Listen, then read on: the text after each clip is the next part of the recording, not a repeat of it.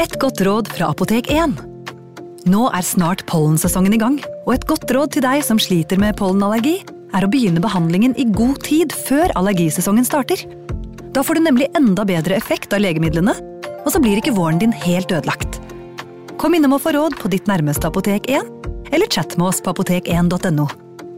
Apotek 1 vår kunnskap, din trygghet.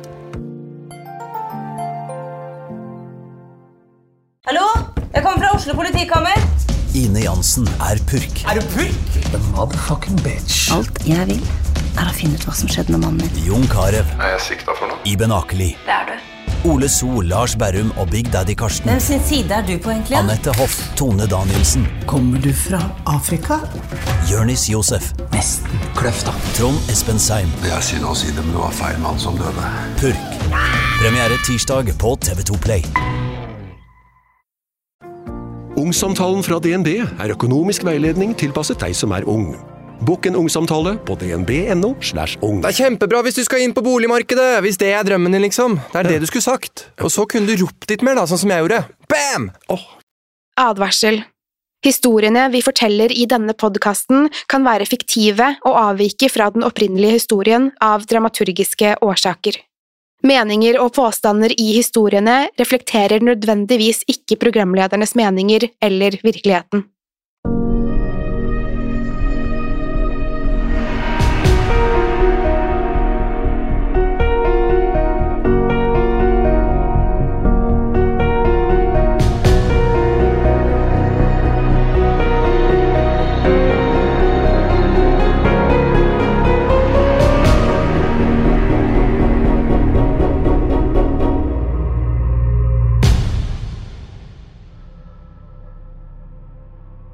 Forandret seg for Daniel etter kjerreulykken.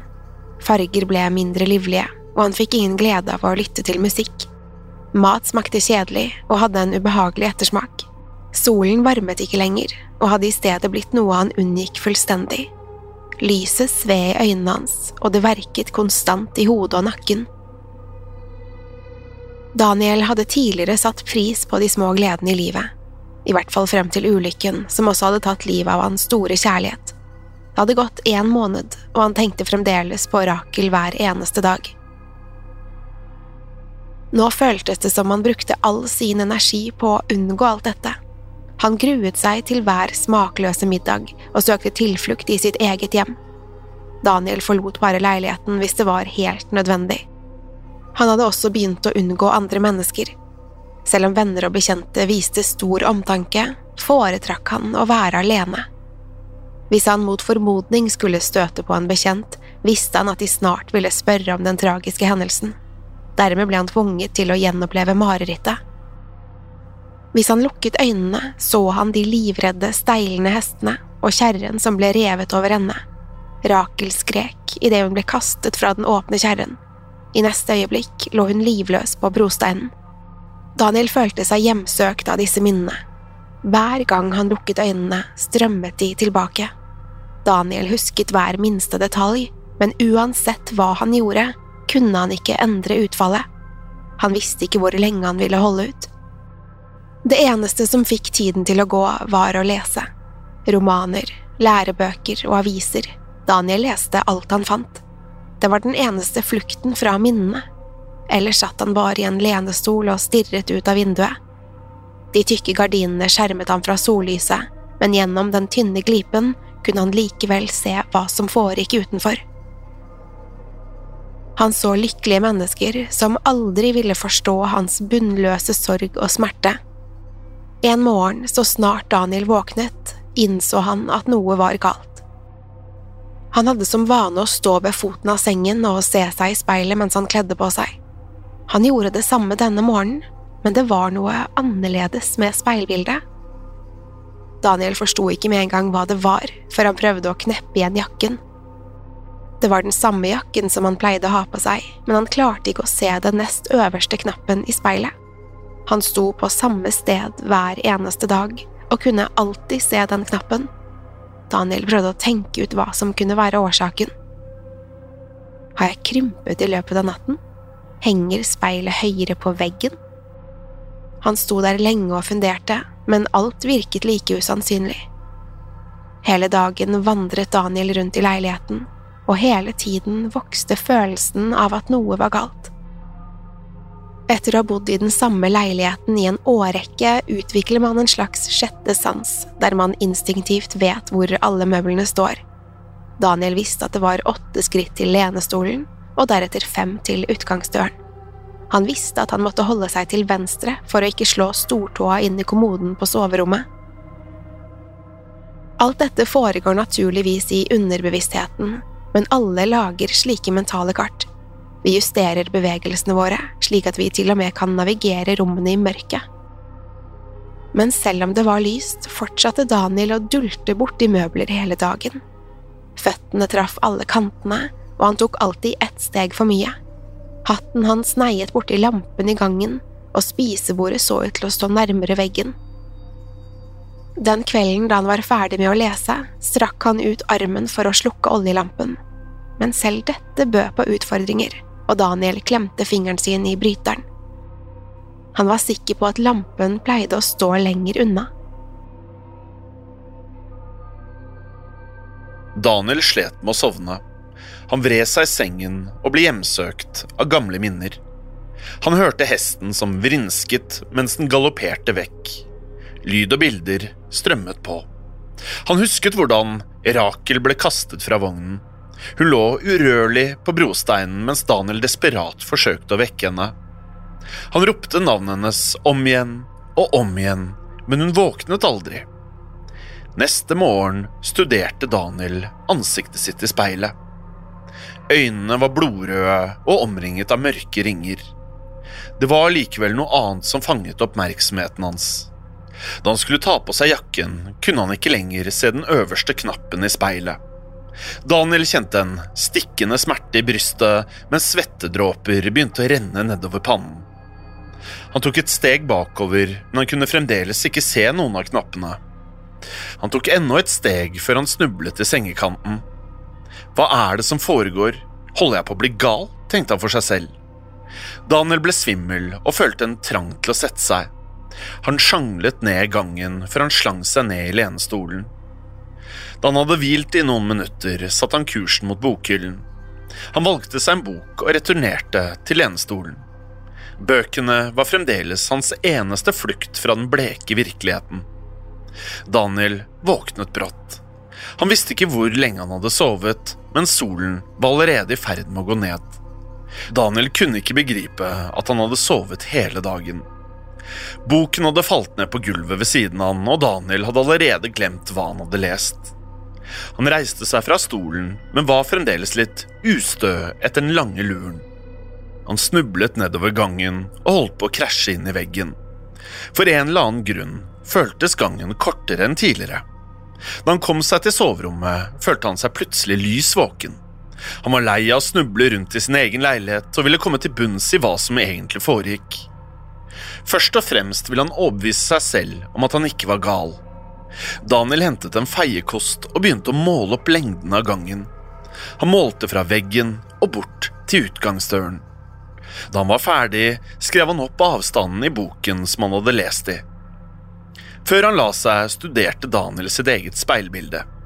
Han sto helt inntil sengen og ble nesten sjokkert av synet. Det var like før han begynte å gråte.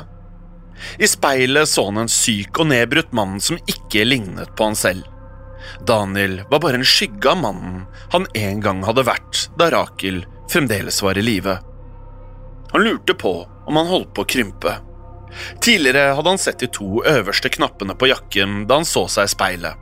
Nå kunne han knapt se hele ansiktet sitt. Daniel strakk ut en arm og innså at fingertuppene nådde helt bort til veggen.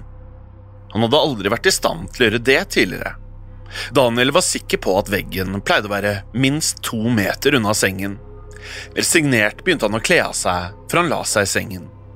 Han ville gjerne sovet i all evighet og brydde seg ikke om han noensinne kom til å våkne igjen.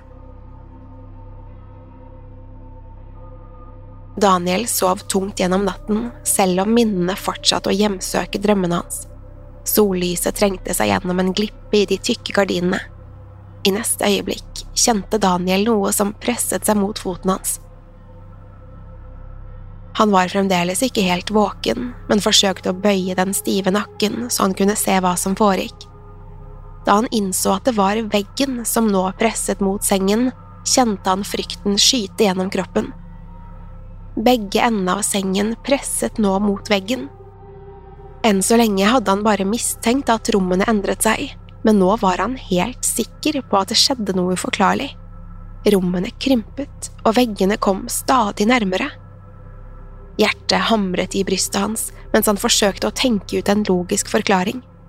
Han bestemte seg for å klatre ut av sengen og var nødt til å presse seg ut av den smale døråpningen. I stuen fant Daniel feiekosten han hadde brukt til å måle lengden av gangen. Han bestemte seg for å sjekke om også gangen hadde krympet.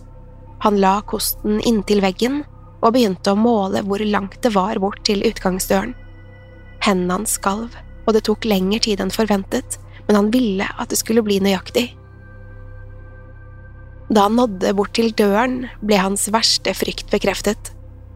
Sist hadde gangen vært over seks kosteskaft lang, men nå var den knapt fire. Noe er galt, tenkte han. Hva er det som skjer med meg? Han ville skrike, men endte opp med å kollapse på gulvet. Nå gråt han høylytt og gjorde ikke noe forsøk på å skjule det. Det var ikke bare frykten for hva som foregikk, han fikk nå utløp for alle sine fortrengte følelser. Daniel begynte å tenke på at han aldri kom til å se Rakel igjen, og dermed fulgte både gode og vonde minner. Han tenkte på hvordan en liten hendelse kunne endre alt. I løpet av noen få sekunder hadde livet hans blitt ødelagt. All glede og kjærlighet hadde forsvunnet. Da han kom til seg selv igjen, følte Daniel en trang til å komme seg ut av leiligheten. Kanskje det ville hjelpe med litt frisk luft? Selv om han vanligvis holdt seg unna sollyset, bestemte han seg for å trosse frykten. Daniel visste ikke hvor han skulle dra, men han klarte å tvinge seg opp fra gulvet. Han fant frem hatten og ytterjakken og gikk bort til ytterdøren. Igjen merket han seg at avstanden var blitt kortere. Daniel stirret ned på brostenen mens han vandret gjennom byen. Han håpet at ingen ville stanse ham på gaten eller prøve å snakke til han. Bare tanken på å få øyekontakt med noen som helst var fryktinngytende. Heldigvis fikk han gå i fred. Da han var på vei rundt et hjørne, var det like før han fikk en bøtte med vann kastet over seg. Daniel klarte å bykse unna, men vannet sprutet bare noen centimeter unna føttene hans. En del av han ønsket å heve stemmen, men han valgte å fortsette spaserturen i stillhet. Daniel ønsket å være i fred og gikk snart til en park med benker, en liten dam og trær i vakre høstfarger. Det var fremdeles tidlig på morgenen, og det var få andre mennesker som var ute og gikk. Han satte seg ned på en av benkene. Herfra kunne han se en kvinne og en ung gutt som matet endene, og en eldre mann som satt og leste avisen. Av og til gikk det noen forbi han, men alle så ut til å være på vei til helt andre steder. Daniel satt der og fulgte med på de andre menneskene helt til øyelokkene begynte å bli tunge. Stillheten og den svale brisen var i ferd med å bysse han i søvn. De tykke, grå skyene beskyttet han fra direkte sollys, men det var likevel uvanlig varmt. Da han var i ferd med å entre drømmenes rike, så han en kvinne kledd i en rosa kjole. Hun gikk rett forbi ham. Daniel skvatt og fulgte henne med blikket mens hun fortsatte ned mot dammen. Plutselig følte han seg mer våken enn på lenge. Hjertet begynte å hamre i brystet idet han forsto hvem kvinnen minnet han om. Hun var nesten helt lik Rakel. Daniel reiste seg og begynte å bevege seg mot kvinnen. Da han sto like bak henne, fant han mot til å si noe. Rakel? spurte han. Stemmen hans var tynn og knapt mer enn et hvisk. Kvinnen snudde seg og stirret inn i øynene hans. Herregud, det er henne, tenkte han. Daniel? Det var en lengsel i stemmen hennes, men også en slags lettelse. Han omfavnet henne, og Rakel presset hodet sitt mot skulderen hans. Begge begynte å gråte, og Daniel forsøkte å fortrenge alle spørsmålene som surret gjennom hodet. Han visste at dette ikke var mulig, men det spilte ingen rolle. Hans kjære kone var tilbake, og han ville bare leve videre i troen om at dette var sant. Jo lenger de holdt rundt hverandre, jo mer lente hun seg mot han.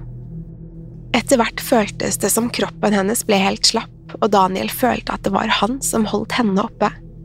Hun var i ferd med å gli ned da de begge kollapset på bakken. Daniel holdt fremdeles rundt henne og prøvde å unngå at hun slo seg.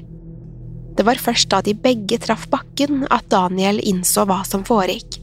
Hodet hennes rullet vekk fra skulderen hans og avslørte det groteske, råtnende ansiktet. Øyehulene var mørke og dype.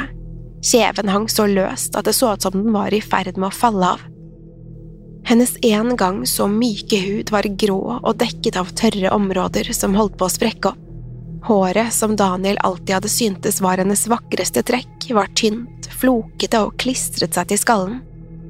Rakels livløse kropp rullet ned på steinhellene, og Daniel trakk til seg armen i avsky. Det føltes som han hadde mistet henne igjen. Følelsen var like sterk som dagen hun hadde dødd. Daniel kjente et kraftig rykk i kroppen og innså at han fremdeles satt på bakken. Han kikket nervøst rundt seg og håpet at ingen hadde lagt merke til den brå oppvåkningen. Han lurte på om han hadde skreket, men det var heldigvis ingen mennesker i nærheten uansett. Kvinnen og den unge gutten var borte, og det samme var den eldre mannen med avisen. Himmelen var mørkegrå, og de tykke skyene så ut til å være fulle av regn. Daniel funderte på hvor lenge han egentlig hadde sittet der. Det hadde bare føltes som han hadde duppet av i noen minutter, men han innså at det kanskje var snakk om timer. Idet han reiste seg for å gå tilbake til leiligheten, kjente han de første regndråpene. Innen han var tilbake i leiligheten, var Daniel søkkvåt. Han sto foran døren og fomlet med nøklene. Da han skulle sette dem i låsen, gled nøklene ut av hånden og falt ned i en sølepytt. Men da han omsider fikk låst opp døren, støtte han på en ny utfordring. Idet han skjøv opp døren, traff den noe hardt og ble stående halvåpen. Han forsøkte å lukke og åpne den igjen, men den stanset på akkurat samme sted hver eneste gang. Det var bare en smal glippe i døren, men den var stor nok til at Daniel kunne presse hodet og skuldrene gjennom åpningen. Det var mørkt der inne, men han ønsket å finne ut hva det var som foregikk. Rett foran døren sto nå Daniel sin lenestol.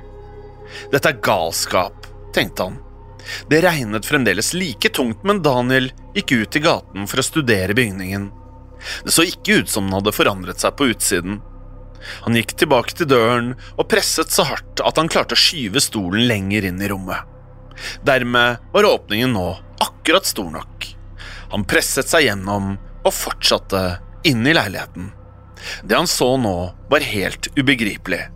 Leiligheten hadde blitt så liten og trang at alle møblene var samlet midt i rommet.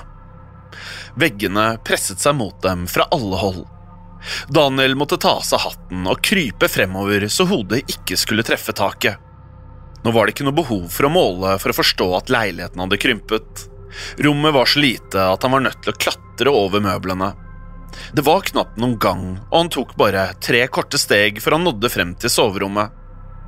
Her snudde han seg sidelengs og presset seg gjennom den smale døråpningen. Veggene presset mot sengen, og speilet hadde falt ned. Det lå nå på sengen, med speilsiden ned. Daniel satte seg på sengen og snudde speilet. Han kunne ikke kjenne igjen ansiktet som stirret tilbake på han. Det var blekt, utsultet og hjemsøkt. Han følte seg hjelpeløs og la seg ned på sengen. Han ventet, men visste ikke hva som kom til å skje. Kanskje veggene ville komme enda tettere og til slutt fortære han? Eller kanskje taket ville falle ned og knuse han? Daniel brydde seg ikke lenger. Han var klar for hva enn som kom til å skje. Han hørte en buldrelyd idet taket og veggene begynte å riste. Dette var første gangen Daniel faktisk så at de beveget seg. Først var det skremmende, men han visste at det ikke var noe han kunne gjøre. Støv falt ned fra taket og landet på ansiktet hans.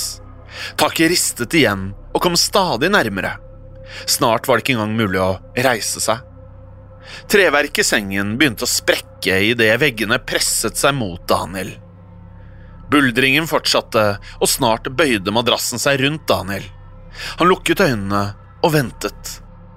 Han lå slik helt til alt ble mørkt rundt ham.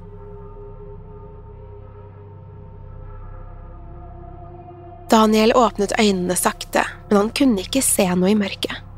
Han følte seg svimmel, og det banket i skallen hans. Etter noen minutter forsvant tåken, og Daniel følte seg mer våken enn på lenge. Han var i live, og kanskje viktigere, han ønsket å leve. Det kriblet i hele kroppen hans. Samtidig strømmet minnene tilbake. Han så for seg en vakker dag med Rakel. De spiste sammen på en restaurant før de klatret opp i kjerren. Han så den skremte hesten som steilet, og følte rykk i vognen. Rakel fløy ut av setet og falt mot bakken. Han falt sammen med henne, og i neste øyeblikk kolliderte hodet hans med brosteinen. Det var et kraftig sammenstøt, og så ble alt mørkt. Daniel klarte nesten ikke å bevege seg. Da han til slutt klarte å røre armene sine, prøvde han å kjenne hva som foregikk rundt han. Han lå på ryggen, og under han var det noe mykt. Hendene hans prøvde å finne ut hva som omringet han. Veggene og taket var bare noen centimeter unna han. De var også myke, nesten satengaktige. Det kjentes ut som at taket hadde en slags bueform. Daniel innså snart at han ikke var i stand til å flytte på seg. Det var så trangt at han ikke engang klarte å rulle over på siden. Luften var tung, og han klarte knapt å puste. Det sved i lungene da han prøvde å ta et dypt åndedrag. Svetten begynte å renne da han forsto hvor hjelpeløs han var. Han ble snart grepet av full panikk. Nei, skrek han så høyt han klarte. Jeg er ikke død! Han tok et nytt åndedrag og brukte opp mer av den dyrebare luften. Daniel banket mot taket, men det bare ga fra seg et lite dunk mot det myke stoffet. Han skrek igjen og begynte å hulke. Da han forsøkte å puste igjen, kjentes det som om noen presset en pute mot ansiktet hans. Snaut to meter over han sto det en gravstein med to navn, Rakel og Daniel. Under navnene sto det når de ble født, og dagen de døde. Det var også en egen inskripsjon som leste Sammen i livet, sammen i døden. To dager etter begravelsen sto det to menn ved graven. De var kolleger av Daniel som hadde kommet for å legge blomster ved gravsteinen. Det var synd han aldri våknet fra komaet, sa en av de sørgende mennene. Veldig synd, svarte den andre. Noen ganger undrer jeg på hvor mye man får med seg i den tilstanden. Er de i stand til å tenke? Drømmer de? Etter å ha tenkt seg litt om, svarte den andre mannen. Nei, det tviler jeg på. Men Daniel hadde nok svart noe helt annet. Ja, ville han sagt. Vi kan tenke og drømme, og det er like virkelig som livet selv.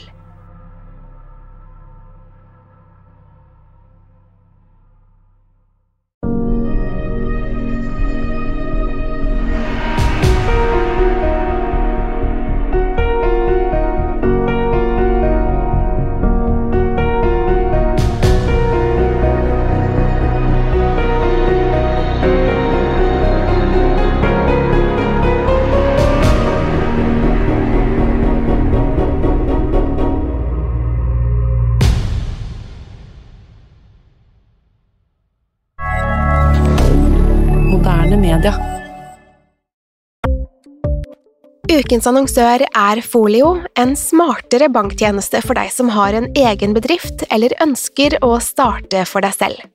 Folio er en superenkel nettbank for bedrifter. Som kunde i Folio får du en bedriftskonto med et bedriftskort og app. I denne appen er det smarte løsninger som forenkler regnskapet ditt, uansett om du har en liten bedrift eller et enkeltpersonsforetak. Folio er både intuitivt og brukervennlig, og er laget med et enkelt språk. I tillegg tilbyr de forutsigbare priser og ingen skjulte gebyrer. Skulle du likevel trenge det, så kan du snakke med deres raske og hyggelige kundeservice, og der får du prate med en faktisk person og ikke en chatbot. Folio er med andre ord både enklere og koseligere enn banken.